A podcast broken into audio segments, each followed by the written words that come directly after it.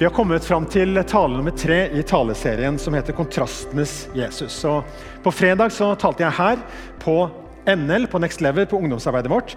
Og Sammen med ungdommene våre så funderte vi litt på dette her, at når vi skal ha tre, fire taler på rad om Jesus, så går vi til Jesaja, som er en bok som er skrevet 700 år før Jesu fødsel. Vi kunne jo valgt å ta fire tekster fra øyenvitneberetningene i evangeliene og sagt at dette er Jesus, vi skal snakke om Jesus på ulike måter. Men vi har gjort et bevisst valg om å gå tilbake til profeten Jesaja.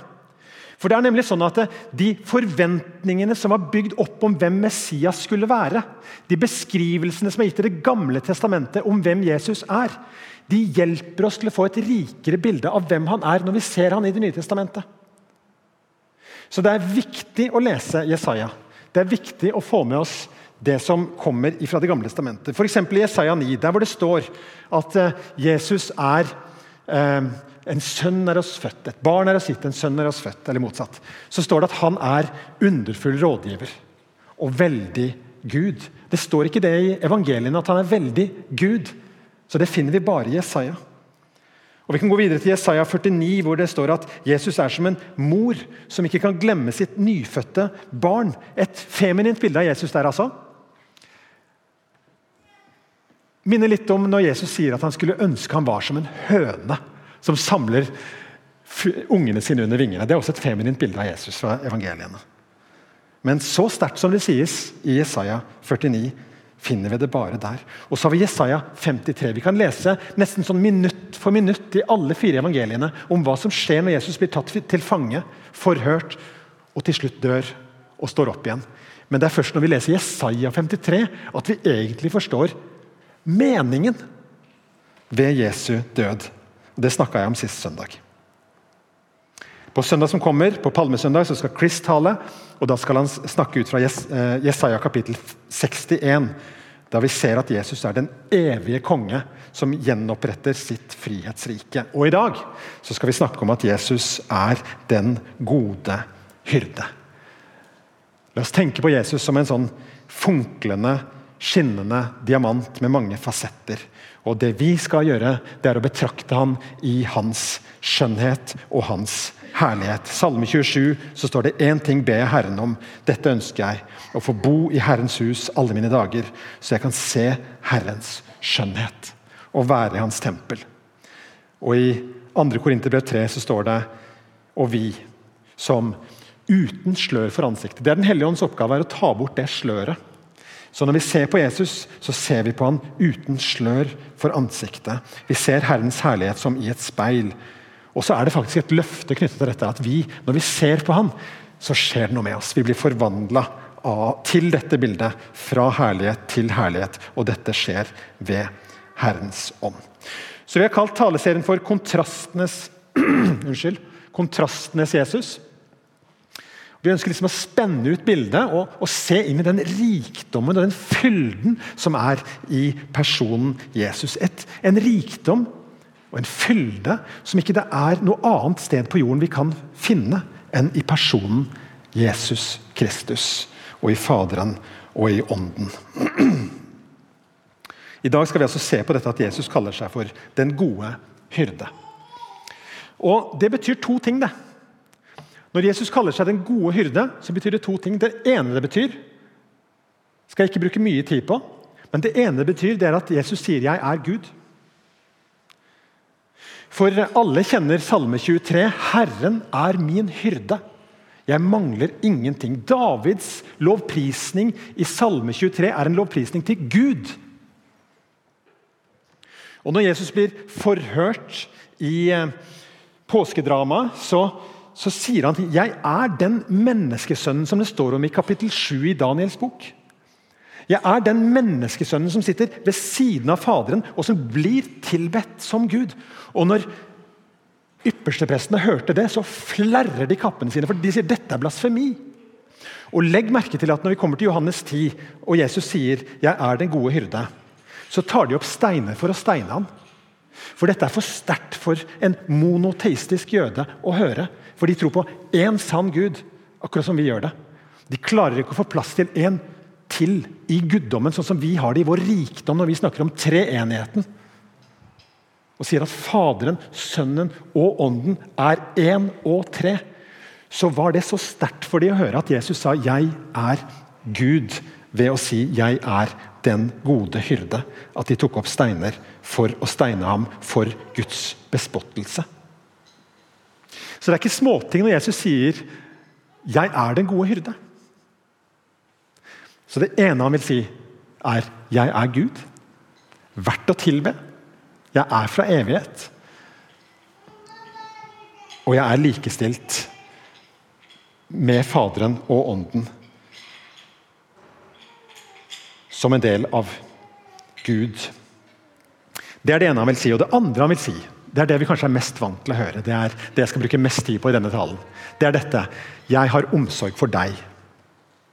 Jeg har omsorg for deg. Jeg bryr meg om deg, og jeg vil hjelpe deg.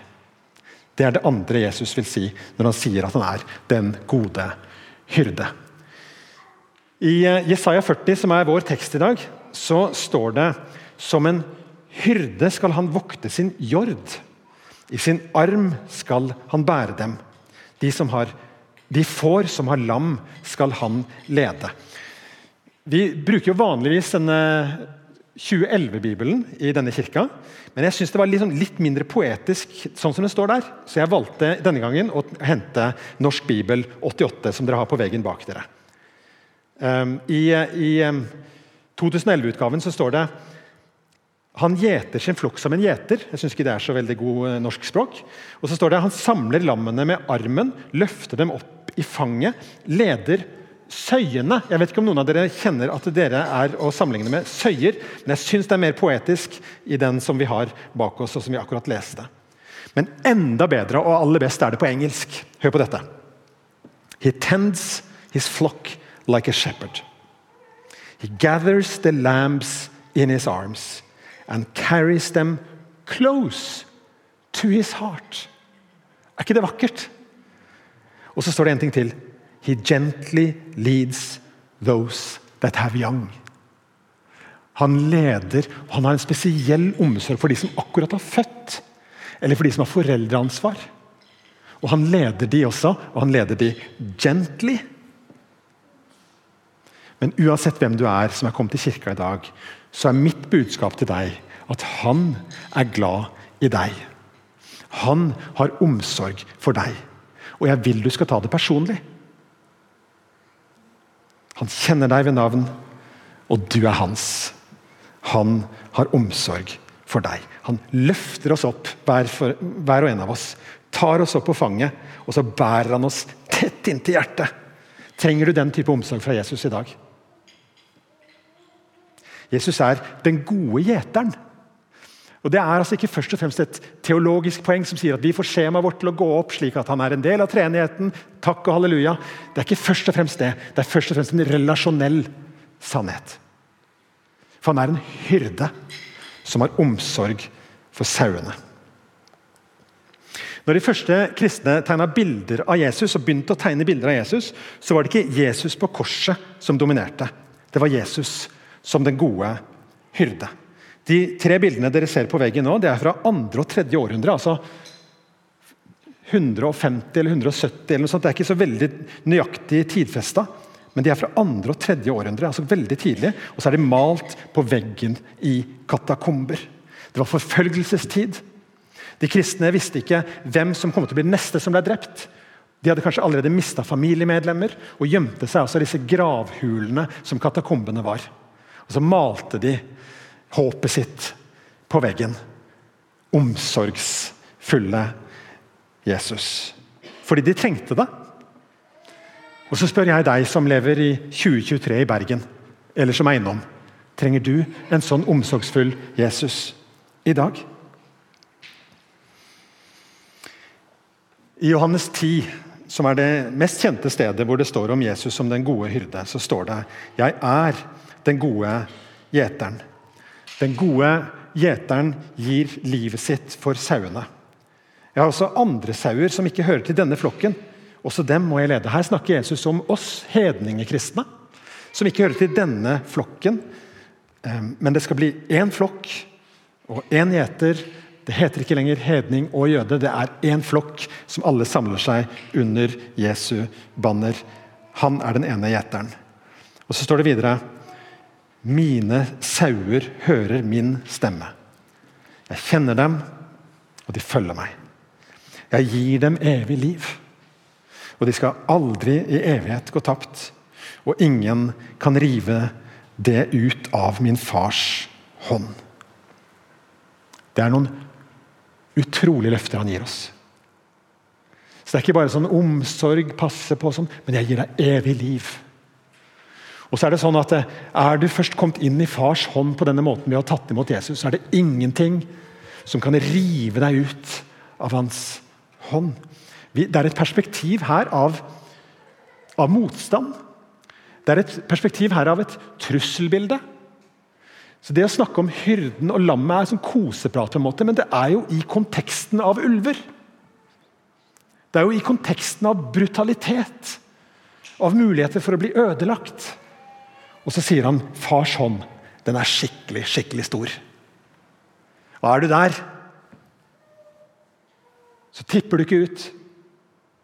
Er du der, så er det ingenting som kommer utenfra, som kan rive deg ut av hans hånd.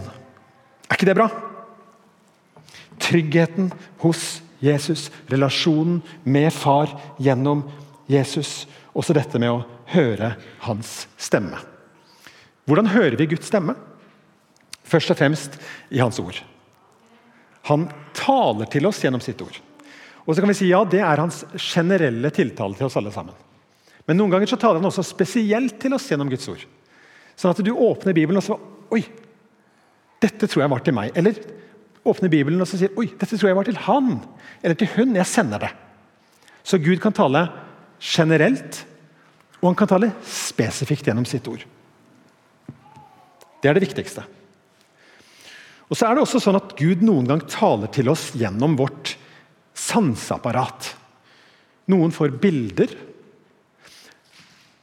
noen får en tanke. Og jeg pleier å si det sånn at Hvis tanken er så god at den ikke kunne være fra meg selv, så er den kanskje fra Gud. Altså Det er noen ganger at du får Den der Ikke det at jeg liksom påberoper meg at jeg, alle mine ideer er, er, tanker fra Gud, for jeg har ganske mange ideer. Men det er noen ganger du liksom kjenner at Hei, hvor kom den tanken fra? Kanskje det er Gud som taler til meg. Lina nevnte bønn og lovsang nå på tirsdag. og jeg har lyst til å dele en helt fersk historie med dere. Jeg skal anonymisere litt. Um, men uh, På tirsdag så hadde vi bønn og lovsang, og vi hadde besøk av Svein um, Høysæter. Som noen av dere kanskje kjenner litt fra Oase. Og Han snakka med oss om dette å høre Guds stemme. Dette med kunnskapsord. Han snakka om uh, hint fra Gud. Og Ofte så er det ikke tydelig i det hele tatt, det er bare en idé, en tanke. Men han utfordra oss på å dele det første som falt oss inn, og Så lista vi opp ting og tang, og så gikk vi i grupper og så ba vi for hverandre ut fra det som var sagt. og Så øver vi oss. Vi feiler og vi famler, og vi har ikke så mye greie på det, men vi bare øver oss på det. Og Det gjør jeg òg. Så jeg øver meg på å lytte inn til Gud. Åpne frekvensen for at Gud er en levende Gud som vil oss noe i vår tid, og som vil oss noe her. Er det en tanke du vil gi meg, Gud, så ønsker jeg å gå på den. Og så fikk jeg en tanke. Um, og Den var spesifikk, den gjaldt én person i rommet. Det som skjedde var at Før bønn og lovsang starta, så kommer det en mann inn i rommet og setter seg der bak. Og Så går jeg bort til han og så hilser jeg på han, for jeg har ikke sett han før. Så sa han jeg er her for, fordi jeg leiter etter Gud. sa han. Så sa jeg Gud leiter mer etter deg enn du leiter etter han. Kanskje vi skal prates etterpå? Ja, det vil han gjerne. Så hadde vi hele møtet vårt. og så, og så når vi da var stille og skulle lytte til Gud, så så, så jeg for meg den mannen. Og så fikk jeg en tanke. Den delte jeg først med, med, alle. og så når møtet var over, så var jeg litt spent. Så gikk tilbake til han og sa var det noen ord som traff deg. Nei, det var det ikke. Ok, det var ikke noen ord som traff han. Greit. Og så snakka vi sammen. Ba sammen, for han ønska jo å finne Gud. Så vi fikk en fin prat, og vi ba sammen. Og Så var egentlig samtalen over. Men så kom jeg på at jeg hadde jo fått et sånt kunnskapsord, kanskje. Så jeg tar det ett steg lenger og så sier jeg, du, har du Og så skal jeg ikke si hva som var det kunnskapsordet. Så så han på meg og sa han, hvordan kunne du vite det? Jeg kunne ikke vite det. Jeg visste ikke det. Men jeg gikk på en sånn tanke som jeg hadde fått når jeg så for meg han for mitt indre øye. Ba til Gud, så fikk jeg en sånn tanke som handla om noe spesifikt i hans familie. Det traff. Kunne like godt ha bomma. Mer sikker var jeg ikke. Men jeg testa det som vi hadde lært i undervisningen. Så jeg gikk til han og så sa hvordan kunne du vite det? Så fikk vi en ny prat som gikk på et dypere nivå. Om den situasjonen. Og når vi var ferdige å snakke om det, så sa jeg 'vil du be'? Og så ba han sjøl for første gang på lang tid til vår himmelske Far. Det var et vakkert øyeblikk. Det er kjekt å være pastor når sånne ting skjer. Og ellers. Um, mine får hører min røst. Hva sier Jesus til deg i dag? Jeg tror jeg vet hva han sier til deg. Han sier han er fryktelig glad i deg. Det tror jeg er det som ligger Jesus mest på hjertet for deg i dag. Det Kan være andre ting, men jeg tror først og fremst i dag så sier han 'jeg har omsorg for deg'. Jeg er veldig, veldig glad i deg. Hører du hans stemme som sier det til deg? Så er det jo sånn at Jesus her sammenligner oss med sauer. og Det syns jeg ikke du skal ta så veldig personlig. Altså det, det, det, kunne jo være sånn at Vi tenker at det er en personlig fornærmelse. Og Jeg, jeg vet jeg har snakka om dette før, men, men, hva er det som er bra med sauer? egentlig? Altså Hva er det som er konkurransefortrinnet til sauer i naturen? Ikke kan de klatre i trær. Ikke kan de løpe fort. Ikke har de klør. Ikke har de horn. Ikke har de skarpe tenner. De kan ikke brøle, de kan ikke hvese, de har ikke gift bak tennene. Altså rå, Andre rovdyr rovdyr da, ser nok på sauer først og fremst som en vandrende middag. Altså, Sauer er sårbare vesener. Og I tillegg så sier altså ryktet at sauer er dumme. Jeg hørte en historie. Eh, dette er fra Tyrkia. Og Det var noen gjetere som var ute med en saueflokk. Og og så tenkte de nå, nå, nå har vi hatt vakt hele natt, nå må vi ha oss en frokost. Og så var de borte fra sauene en halvtimes tid. Det bør da gå bra. Nei da. Katastrofen inntraff. Det som skjedde var at eh, En av disse sauene begynte å gå mot en klippe. og Så bare gikk han over klippen. Og når han hadde gått over klippen, så fulgte de andre på. Og så var det 1100 sauer som overlevde den dagen. Men det gjorde de bare for at fallet deres ble dempa av 500 som ikke overlevde. Det er jo helt forferdelig. Jesu poeng med å kalle oss sauer, er ikke fordi han ønsker å snakke oss ned. Eller si noe som er mindre flatterende om oss, selv om det sikkert kunne være sant på mange måter. Men poenget hans er at han vil si noe essensielt om seg selv. For åndelig sett så er ikke vi så veldig smarte eller så veldig sterke. Åndelig sett så klarer ikke vi å finne ut hvem Gud er, eller hvordan han er, men Jesus kan hjelpe oss med det. Og Vi mennesker vi har en tendens til for å si det litt forsiktig, å messe ting litt til. I eget liv og i andres liv. Og Det gjelder meg, og det gjelder kanskje deg. Og Jeg klarer ikke å komme meg ut av den situasjonen sjøl. Men Jesus kan hjelpe meg med det. Han er den gode hyrde, og så er han så overgitt til den oppgaven at han, han vil beskytte oss og berge oss. Og i ytterste forstand så gir han livet sitt for sauene. Og Da er vi tilbake i Isaiah 53. dere. Da er vi tilbake i at det, det som skiller mellom oss og Gud, det er vår skyld. Og Det som åpner opp mellom oss og Gud igjen, det er at Jesus han er den broen mellom oss og Gud. Han ble såret for våre overtredelser og knust for våre misgjerninger. Og Straffen lå på ham for at vi skulle ha fred, og ved hans sår har vi fått legedom. Den gode hyrde kommer ikke bare med en ny filosofi. Den gode hyrde kommer ikke bare med klapp på skulderen og en god klem. Den gode hyrde gir sitt liv. For sauene, fordi sauene trengte det. Og Jesus var villig til å betale prisen. Nå er jeg snart ferdig, men jeg skal ta dere med til en gammeltestamentlig tekst til. Og Dette er fra Esekiel og kapittel 34. og Du må gjerne gå, gå inn i Bibelen din og lese om dette. her, altså for at det Bakteppet her når, når Gud skal gi sine løfter om den gode hyrde, så er bakteppet at Esekiel refser Israels ledere. Og så sier han at dere er dårlige gjetere. Dere gjeter bare dere selv. Dere spiser fettet, kler dere med ullen, slakter de beste dyra, men sauene gjeter dere ikke. Og så kommer det en skikkelig tirade. Hør på dette. Ikke har dere styrket de svake. Ikke helbredet de syke. Ikke forbundet til skadde. Ikke hentet tilbake de fordrevne. Ikke lett etter de bortkomne. Med makt har dere hersket over dem, og med tvang. Altså, dette er et ord til alt lederskap. Sauene ble spredt. De hadde ingen gjeter. De ble til føde for all slags villdyr. De ble spredt. Sauene mine, sier Gud, for han eier de og har omsorg for dem, men han sier sauene mine gikk seg vill på alle fjell og høye hauger. De ble spredt over hele jorden. Ingen spør etter dem, og ingen leter. Og Det er jo den katastrofen, at de er ikke bare spredt og alene og isolert, men det er ingen som spør etter dem. Og det er ingen som leiter etter dem. Jeg har vært så heldig å få lov til å være med på alfakurs i denne menigheten i flere runder nå. Og vi skal ha et nytt etter høsten. Vi har et par studenter som jeg tror nesten spør alle de ser. altså, vil du være med på alfakurs? Vil du være med på alfakurs? Og Noen sier jo nei til det, men noen sier også ja. For det er noen som spør etter dem. Og Så blir de med på alfakurs, og så er det noen som møter Jesus og møter hans kjærlighet for sitt liv og får ting på plass. Så sier jeg ikke dette for å dømme noen eller meg selv, for jeg er heller ikke god til å finne folk til å bli med på alfakurs. Dette får vi til, og det får vi ikke til. Men det dette handler om, det er et bakteppe for å si noe om Jesus. Hør på dette.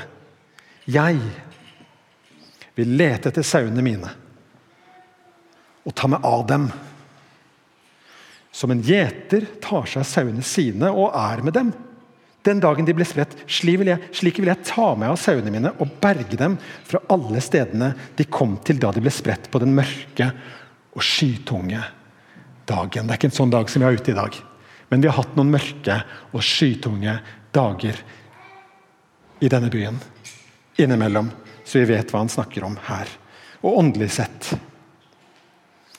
Jeg vet ikke hvordan det er med deg i dag. Har du erfart den mørke og skytunge dagen? Det som ordet sier, er at den dagen ble vi spredt. Vi havna i ensomhet og alenegang når det begynte å gjøre vondt.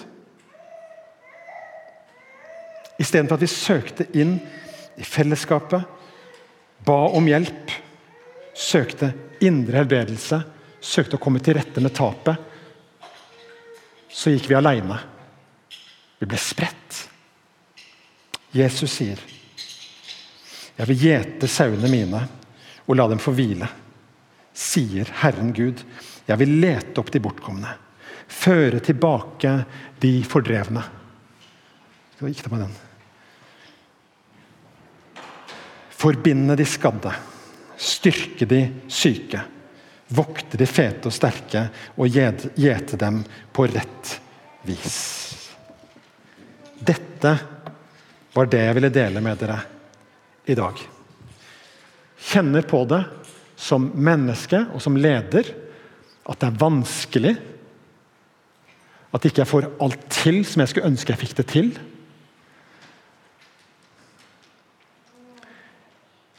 Men da er det ufattelig godt å ha en frelser som steller med meg, og som sier at 'jeg vil forbinde dine sår'. Jeg vil gi deg det du trenger for at du skal komme deg opp igjen. Og så vil jeg istandsette deg til å være en sånn hyrde for de som trenger deg. For kallet Jesus gir til oss, det er 'kom og følg meg'. Kom og følg meg. Vær med meg. Jeg er den gode hyrde. Jeg er den som gir omsorg. Kom og vær med meg. Søk å bli mer lik meg. Jeg kan vise deg hva jeg mener med kjærlighet. Søk å bli mer lik meg. Og så går vi ut i denne verden hvor mange er spredt har opplevd den mørke og skytunge dagen og sitter alene. Ensomhet er en epidemi i Norge. Jesus og det kristne fellesskapet har svaret på det samfunnsproblemet som ensomhet er. Men da må vi kanskje begynne med oss sjøl. Å være det fellesskapet som kan bære hverandres byrder. Som kan be for hverandre, som kan si 'jeg vet heller ikke helt'. 'Jeg er også såra, jeg er også skada', men skal vi sitte litt sammen og finne ut av dette og søke Gud sammen?